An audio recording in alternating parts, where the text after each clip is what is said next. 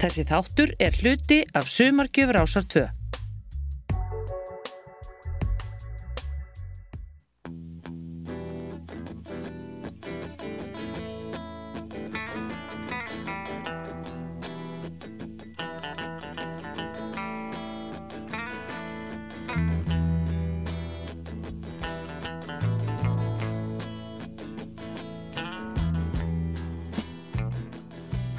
Í sælir, hlustandu góðir og veru velkomin í þáttinn Innblástur.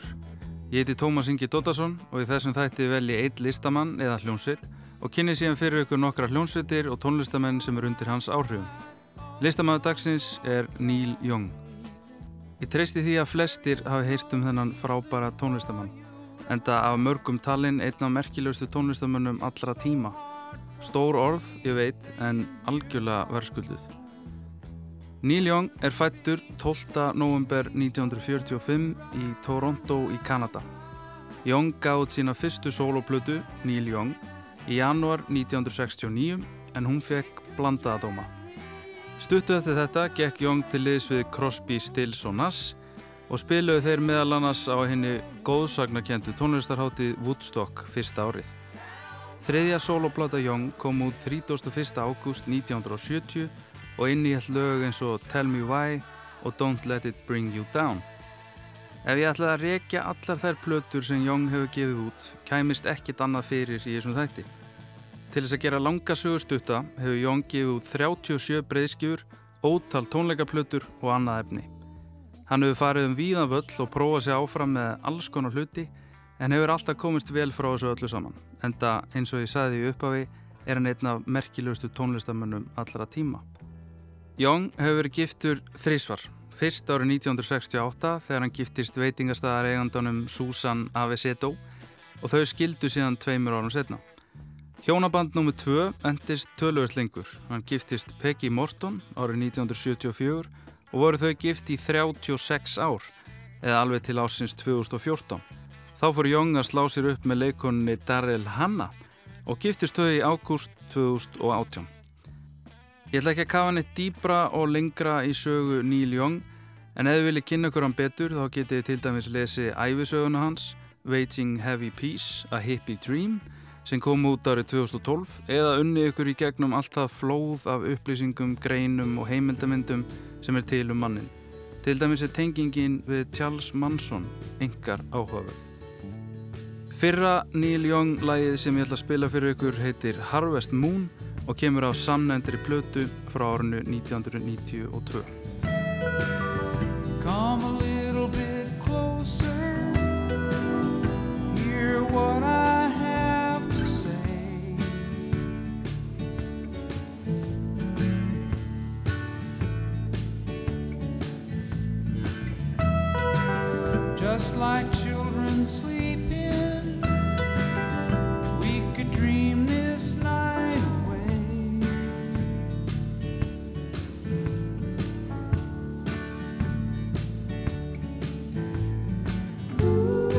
But there's a full moon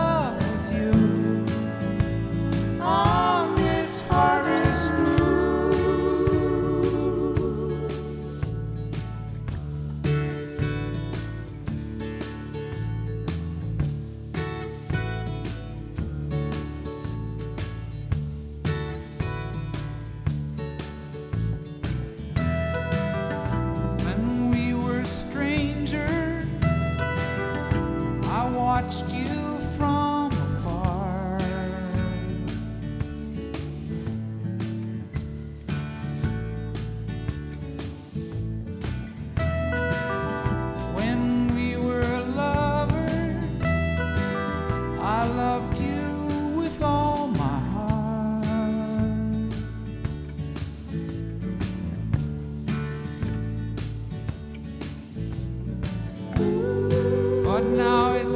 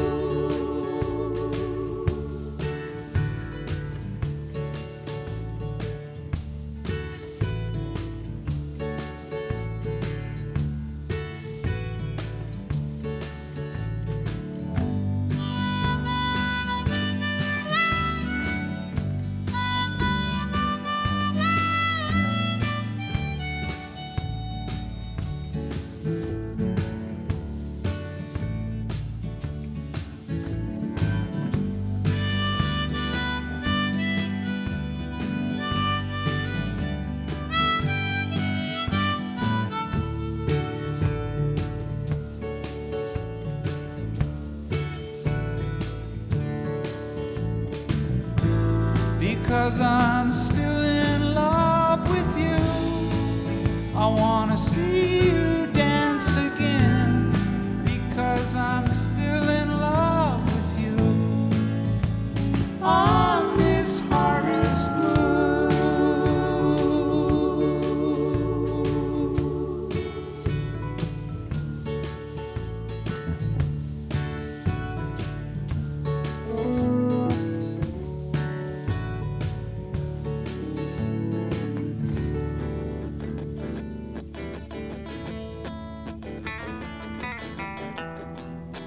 Tíu hlutir sem hún vissir ekki um Neil Young. Númer 1. Árið 1951 þegar Neil var sjöra fekk hann mænusótt sem dróð hann næstum til dauða. Númer 2. Þó að Young hafi búið í bandarækjunum í tæp 50 ár er hann ennþá með kanadískan ríkisborgarrétt. Hljómsveitin Radiohead var stopnuð í Abington í Oxford skýri á Englandi árið 1985. Það væri afskaplega skrítið að þau væri að heyra á þessu bandi í fyrsta skipti núna. En ef svo er, þá ætlum ég ekki að dæma neitt, en það ekki mitt hlutverk að dæma fólk. Hljómsveitin samastendur af Tom York, bræðrónum Johnny og Colin Greenwood, Ed O'Brien og Philip Selvey. Bandið gáð sitt fyrsta lag Creep 1992. Það lag var síðan heimsfrækt þegar gáð út sína fyrstu breyðskju Pablo Honey árið setna.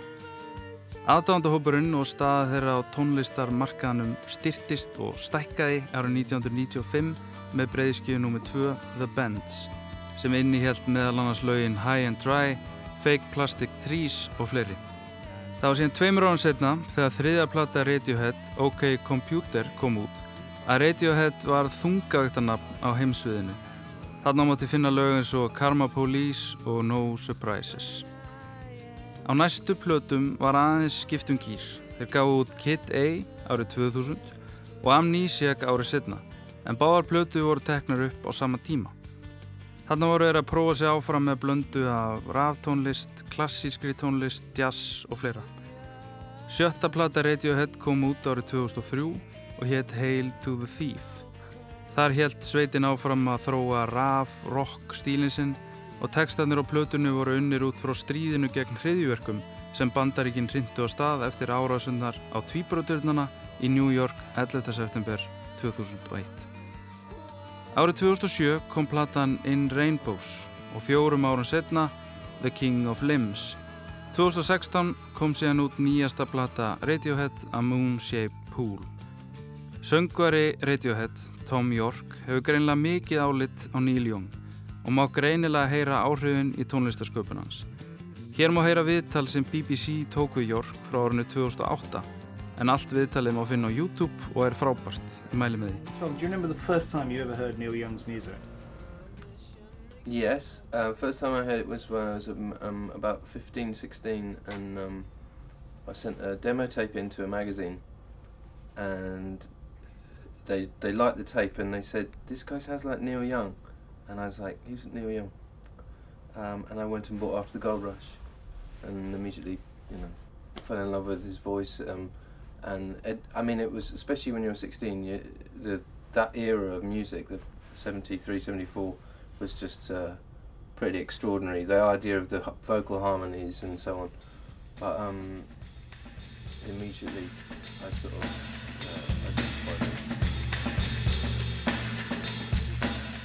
Ég ætla að spila fyrir ykkur lagið Reckoner á plötunni In Rainbows frá árinu 2007. Njótið vel.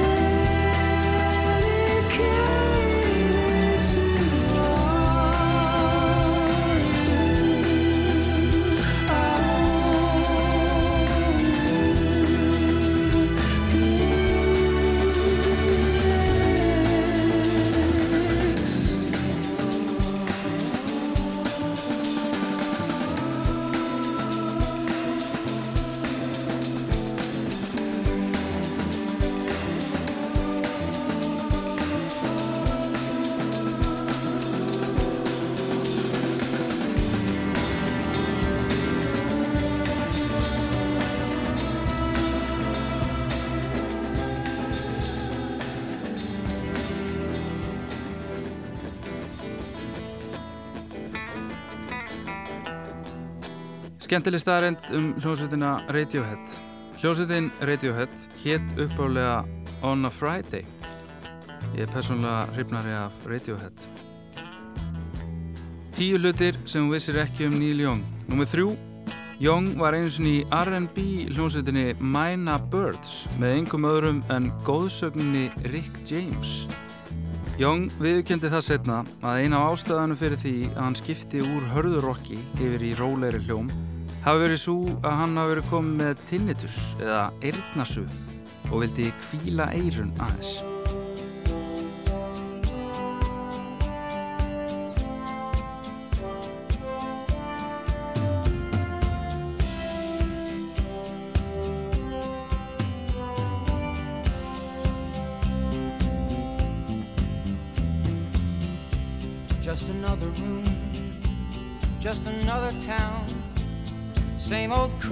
People hanging around. Still you're shine silently Staring into space Tónlistamæðurinn Nils Hilmer Lofgren er fættur í Chicago 21. júni 1951. Hann á ítalska mömmu og sænskan pappa en er með bandarískan ríkisborgarrétt. Logren hefur alltaf verið mjög hrifin á hljóðfærum og tónlist og hefur lært á fjöldan allan á hljóðfærum í gegnum tíðinu. Hljóðfæri sem hann spilar aðal á núna er gítarinn. Logren er rauglega frægastu fyrir það að vera gítarleikari Bruce Springsteen og hefur verið það alveg frá 1984 þegar hann gekk til liðs við E-Street Band sem er bandið sem spilar undir hjá Springsteen. En þó hann sé kannski þekktastu fyrir það að vera í E-Street Band og hann líka ágætti soloferil. Níls hitti Neil Young þegar hann var ungu drengur í leita ráðum til að vera rockstjarnar. Við skulum heyra hvernig Níls lýsir fyrstu kynnum á Neil Young í útasviðtali frá árinu 2015. Back in the 60s, you know, we loved the Beatles and Stones and Hendrix, but no, but that really wasn't a job in the mid 60s in middle America. So I was kind of a fish out of water and a bit nervous and scared and I knew nothing about the music business, so I'd sneak backstage and ask for advice from some of my musical heroes. And Neil Young was on his first Crazy Horse tour at the Cellar Door in Washington, D.C., snuck into the dressing room. Very long story short, he gave me a guitar, let me play some songs. He liked them, bought me a cheeseburger and a Coke, and I watched four shows over two nights and hung out with him during the day. And uh, true to his word, because my band Grin was going traveling to Los Angeles to look for a record deal, he said, "Look me up when you get there. I'll help you out." And he did, and uh, kind of took us under his wing. David Briggs, his producer, who became my like big brother and mentor and producer for so many years, moved me into his home. And as Grin was making our rocky way in the early music business, uh, when I was 18 years of age, a year later, out in Topanga Canyon, uh, Neil asked me to play on the After the Gold Rush record, which was an enormous opportunity at any age, let alone 18. This here's a right away letter. I gotta mail it today. Eftir að hafa búið með Neil Young og þeir orðni góðu vinnir spilaði Lofgren á gítar og piano á Neil Young plötunni After the Gold Rush þá aðeins átjánara gammal eins og við heyrðum hérna áðan. Þeir hafa alltaf haldið góðu sambandi og hefur Lofgren alltaf skotið reglulega upp kollinu sem meðlumir í hljómsveitinni Crazy Horse á samt því að spila undir á plötum og fara í tónleikaferðalög með Young.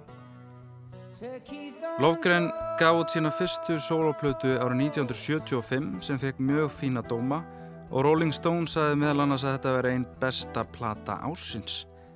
En Lofgren náði ekki að byggja ofan á velgegni fyrstu plötunar því að næstu plötur fengu ekkert sérstakka dóma þó að eitt og eitt lag hafi sliðið í gegn. You got a knack for sailing, and it's stamped with your own brand name. We's all sailors, as captain, you must know. You bring the message to millions. Say, Keith, don't go.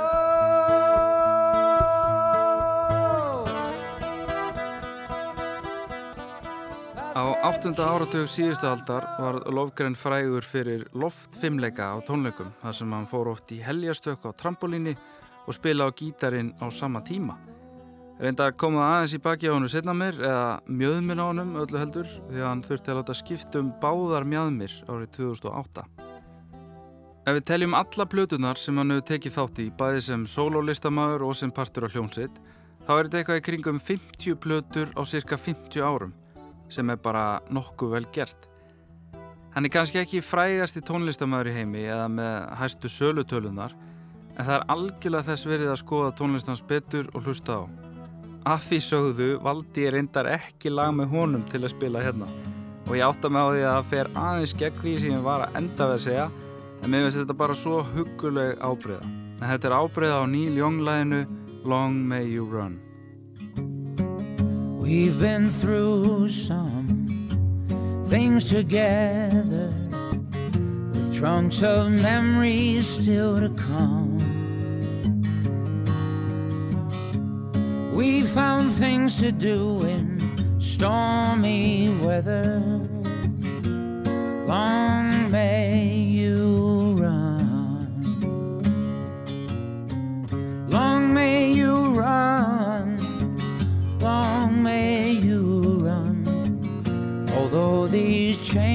have come. With your chrome heart shining in the sun. Long may you run.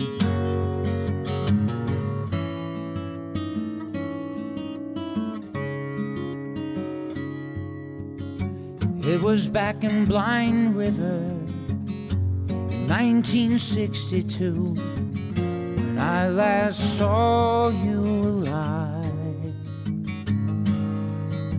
But we missed that shift on the long decline. Long may you run. Long may you run. Long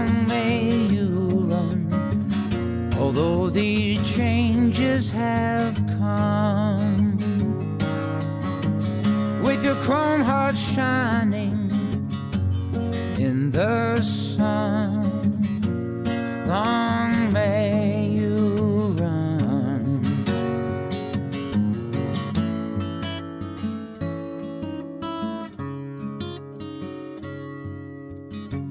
Maybe the have got you now. With those waves singing Caroline rolling down that empty ocean road. Get into the surf on time. Long may you run, long may you run. Although these changes have come, with your chrome hearts shining in the sun. Long may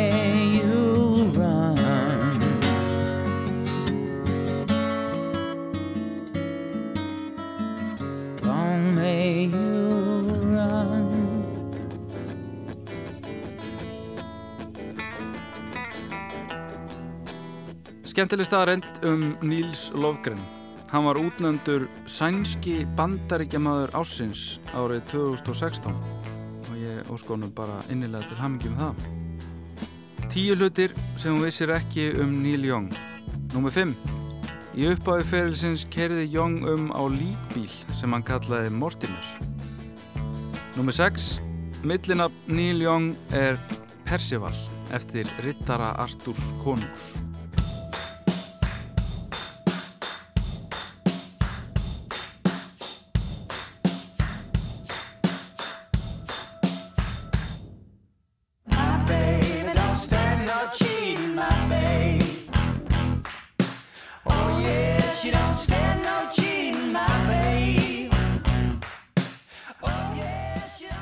Kanadíska hljómsveitin Whitehorse samanstendur af Luke Doucette og Melissa McClelland.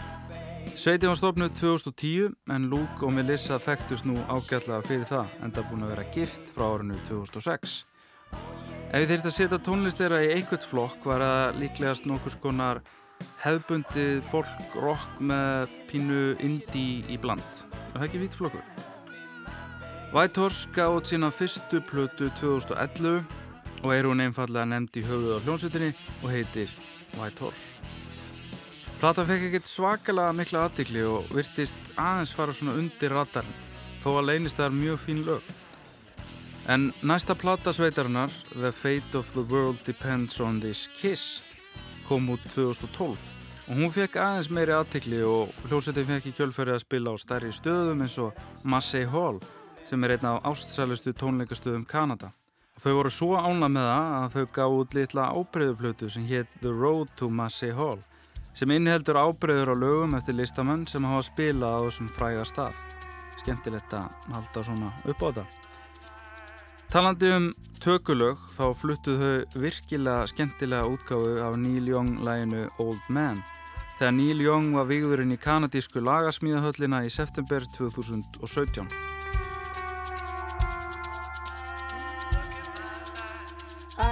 I'm a lot like you.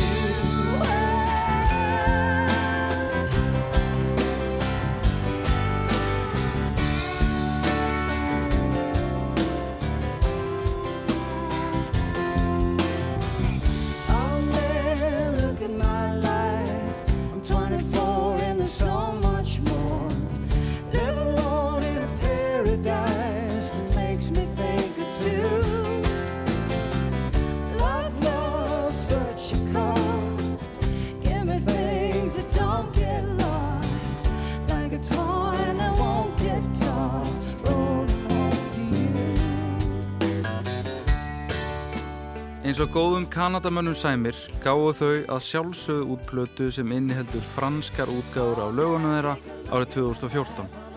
Platan heitir, gefum við sérs með þetta, FME Sans Repair sem að Google Translate segir mér að því tímabundið án útskriftar sem ég efast um að sé 100% rétt þýðing en við látum það líka með til hluta. Þriðja breyðskjöfa þeirra kom út 2015 og svo fjóruða 2017.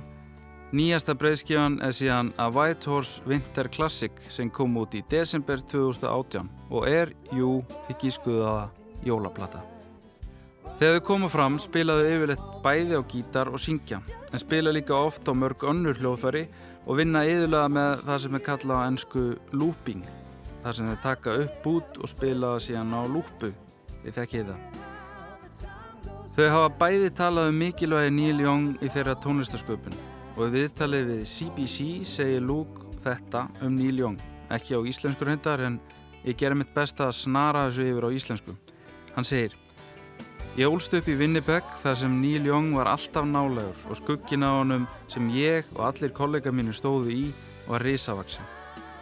Hann var yfirleitt talin vera þjóðlaga listamöður en ber samt ábyrð á einhverju hráasta og mest ókveikjandi gítarhljómi sem hefur verið búin til og svo hefur hann samið ótrúlega fallega country tónlist og hann er pólitískur. Þetta er einstök blanda og ég held að engin annar hafi gert þetta á þennan hátt. Hér er Sweet Disaster með Whitehorse. Galileo's bluffing. It's just a mess out here.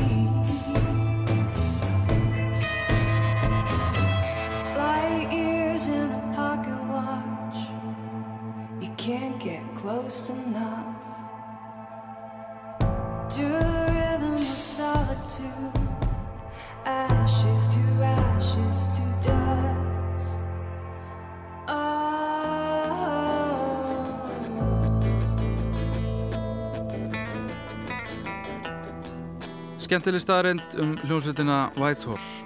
Hljómsveitin er nefnd eftir borginni Whitehorse í Yukon, Kanada.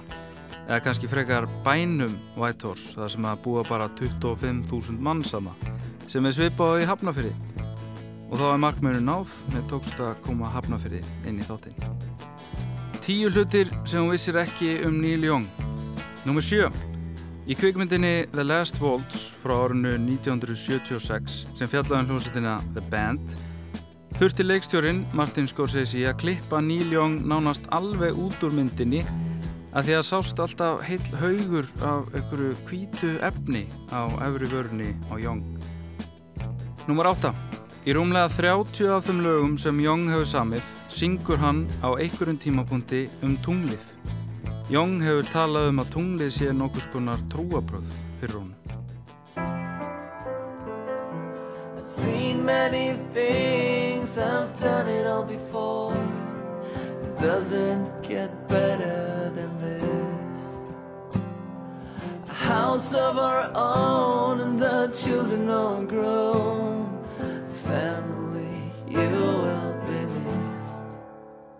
Ragnar Solberg Rapsson er fættur 2. desember 1986 í Hafnafyrir.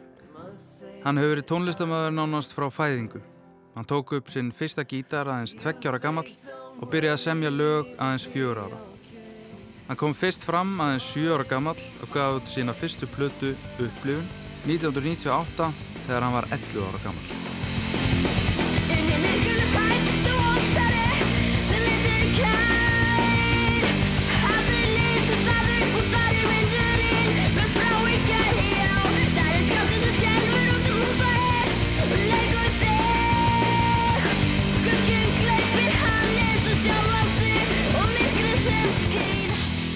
Árið 2001, þegar Ragnar var 14 ára gammal, stopnaði hann hljómsveitina Sigg með nokkrum vinnum sínum og bróði sínum Agli Rapsinni sem spilaði á trommunar. Þeir tóku þátt í músiktilunum og lendi í öðru seti og Ragnar var valinn besti söngvari. Bandi gaf í kjölfæri út sína fyrstu plötu, Vindar og breytingar, í desember sama ár. Vantar hjá næju Ég skal hjálpa þér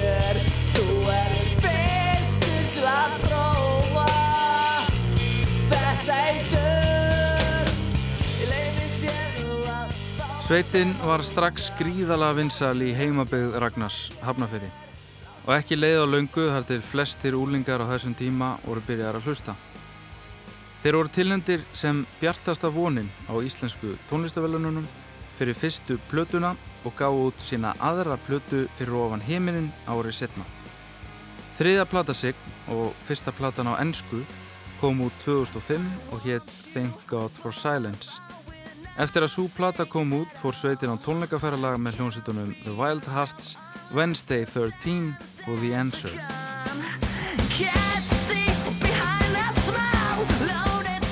Fjóraða plata sig kom út 2007 og hétt The Hope. Þar má finna smellin Dancing In.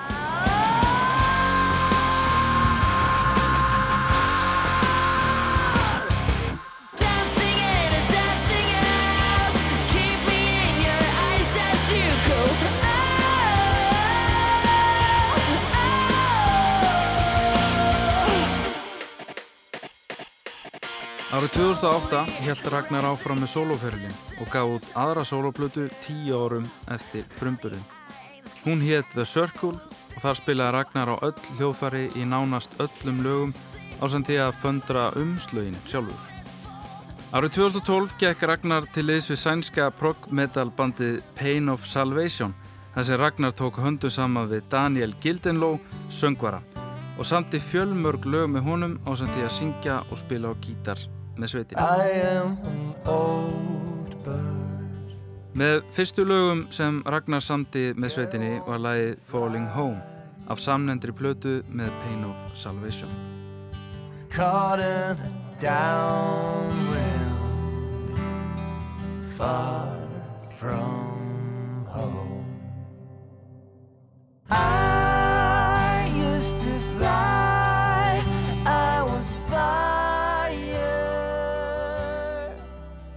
Í mæ 2017 yfirgaf Ragnar sveitina þar sem samband hans og Daniel Gildenló var farið að súrna og Ragnar fekk ekki þá viðurkynningu sem hann átti skilið.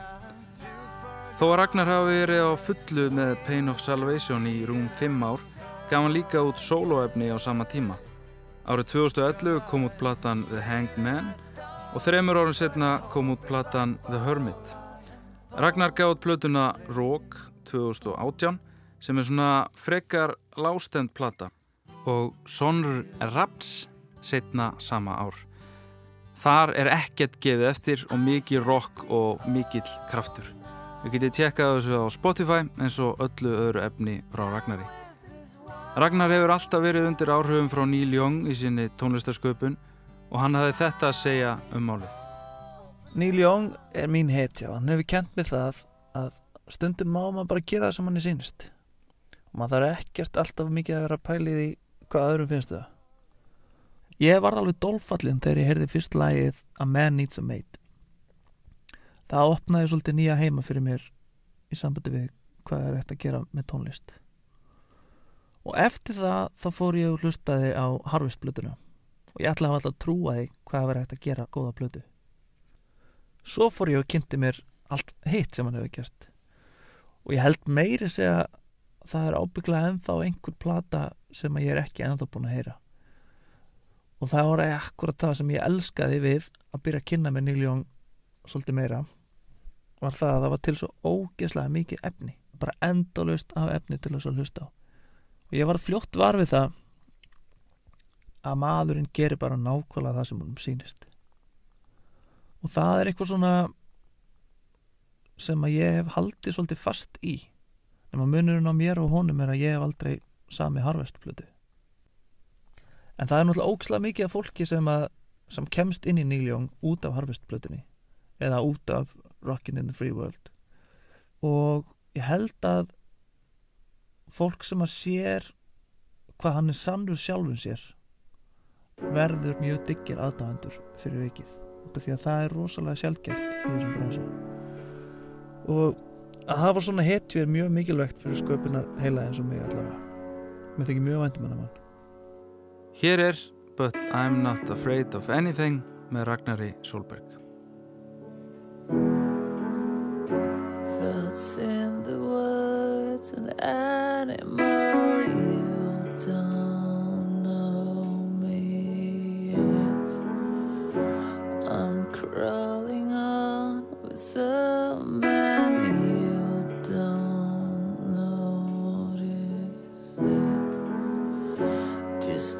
another storm in the hall. You would die for it. Just another beast, an animal.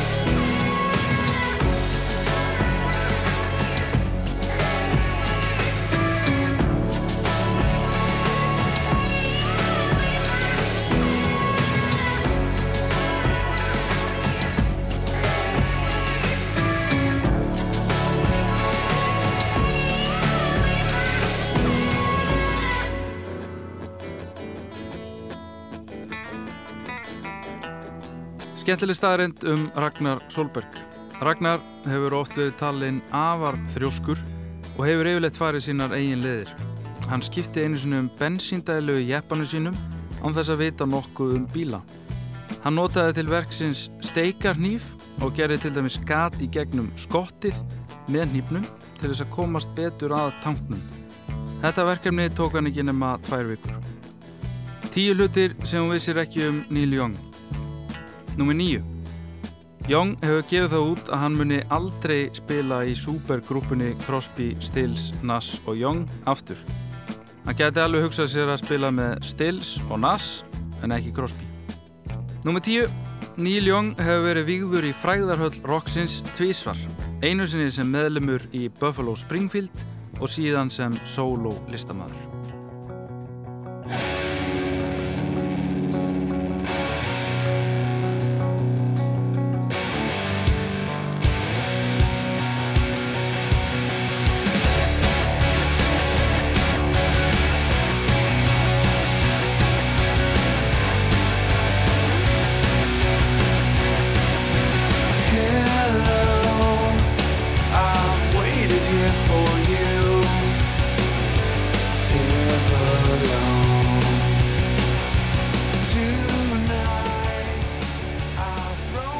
Bandaríska rockljósitinn Foo Fighters var stofnuð í Seattle, Washington árið 1994 af trommuleikarunum Dave Grohl.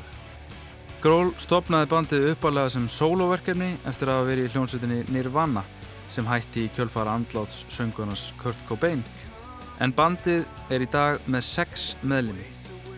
Hljónsutin fekk nafni sitt úr sveit flugmanna í setni heimstyrjöldinni sem átt að berjast við fljúandi furðuhluti og voru kallaðir Foo Fighters. Fyrsta platan hétt eins og svo oft eftir hljónsutinni. Í upptökum á annari plötu Foo Fighters, The Color and the Shape, hætti trommuleikari bandsins. Þetta seti hlutina reyndar ekkit í svakalegt uppnám þar sem að Gról sjálfur tók bara upp kjöðana en það þokkalögur fyrir aftan setti vægasagt.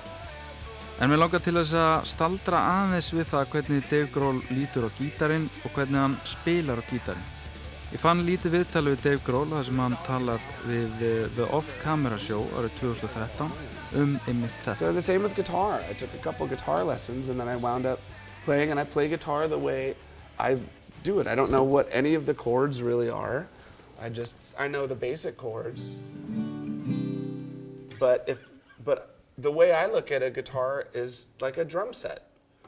I look at the lower strings like they're kicks and snares and I look at these like they're cymbals. Really? So when I play it's almost like a kick snare pattern.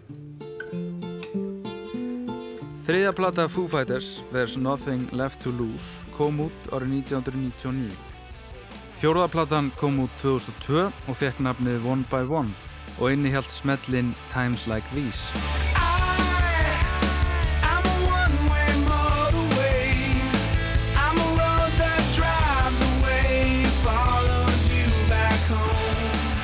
Þremur ára setna, árið 2005, kom út tvöföld plata sem hétt In Your Honor.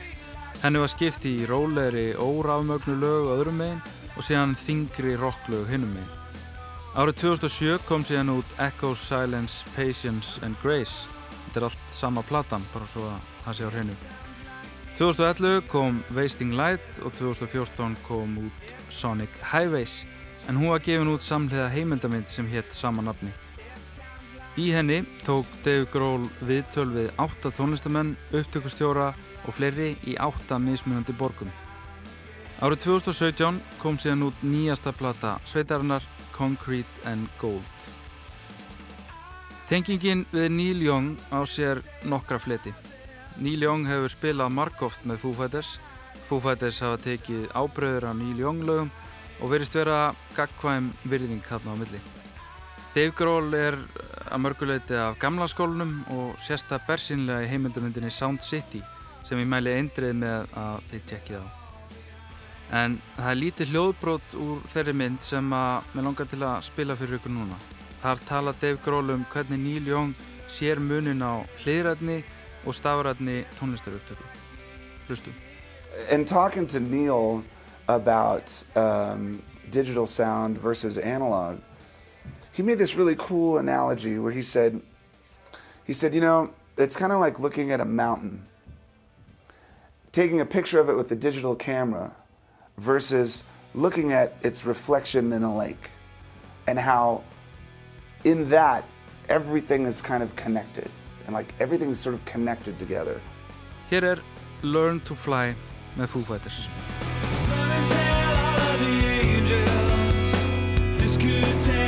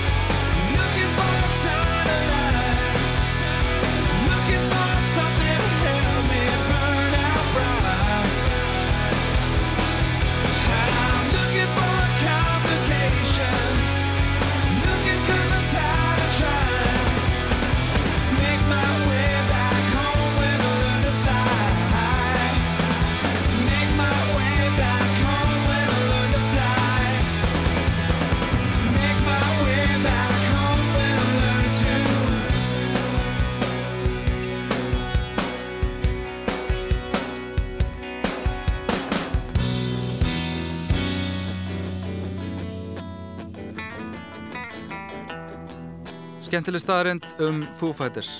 Eftir að Nirvana hætti og áður en að Dave Grohl stopnaði Foo Fighters var hann um bóðin staða trommuleikara hjá Tom Petty and the Heartbreakers. Grohl hafnaði því og stopnaði Foo Fighters stuttu setna og ég held að heimsbyðin þakkjónum fyrir þessa ákvörðun í dag. Þetta er búið hjá mér í dag. Hljómsveitarnar og tónlistamenninir sem ég talaði um voru Radiohead, Níls Lofgren, Whitehorse, Ragnar Solberg og Foo Fighters. Ef þú voru að stilla inn núna og vilji hlusta á allan þáttinn, þá er þetta að finna þáttinn undir innblástur í öllum helstu hlaðvarpsveitum heimsis og auðvitað á rúf.is.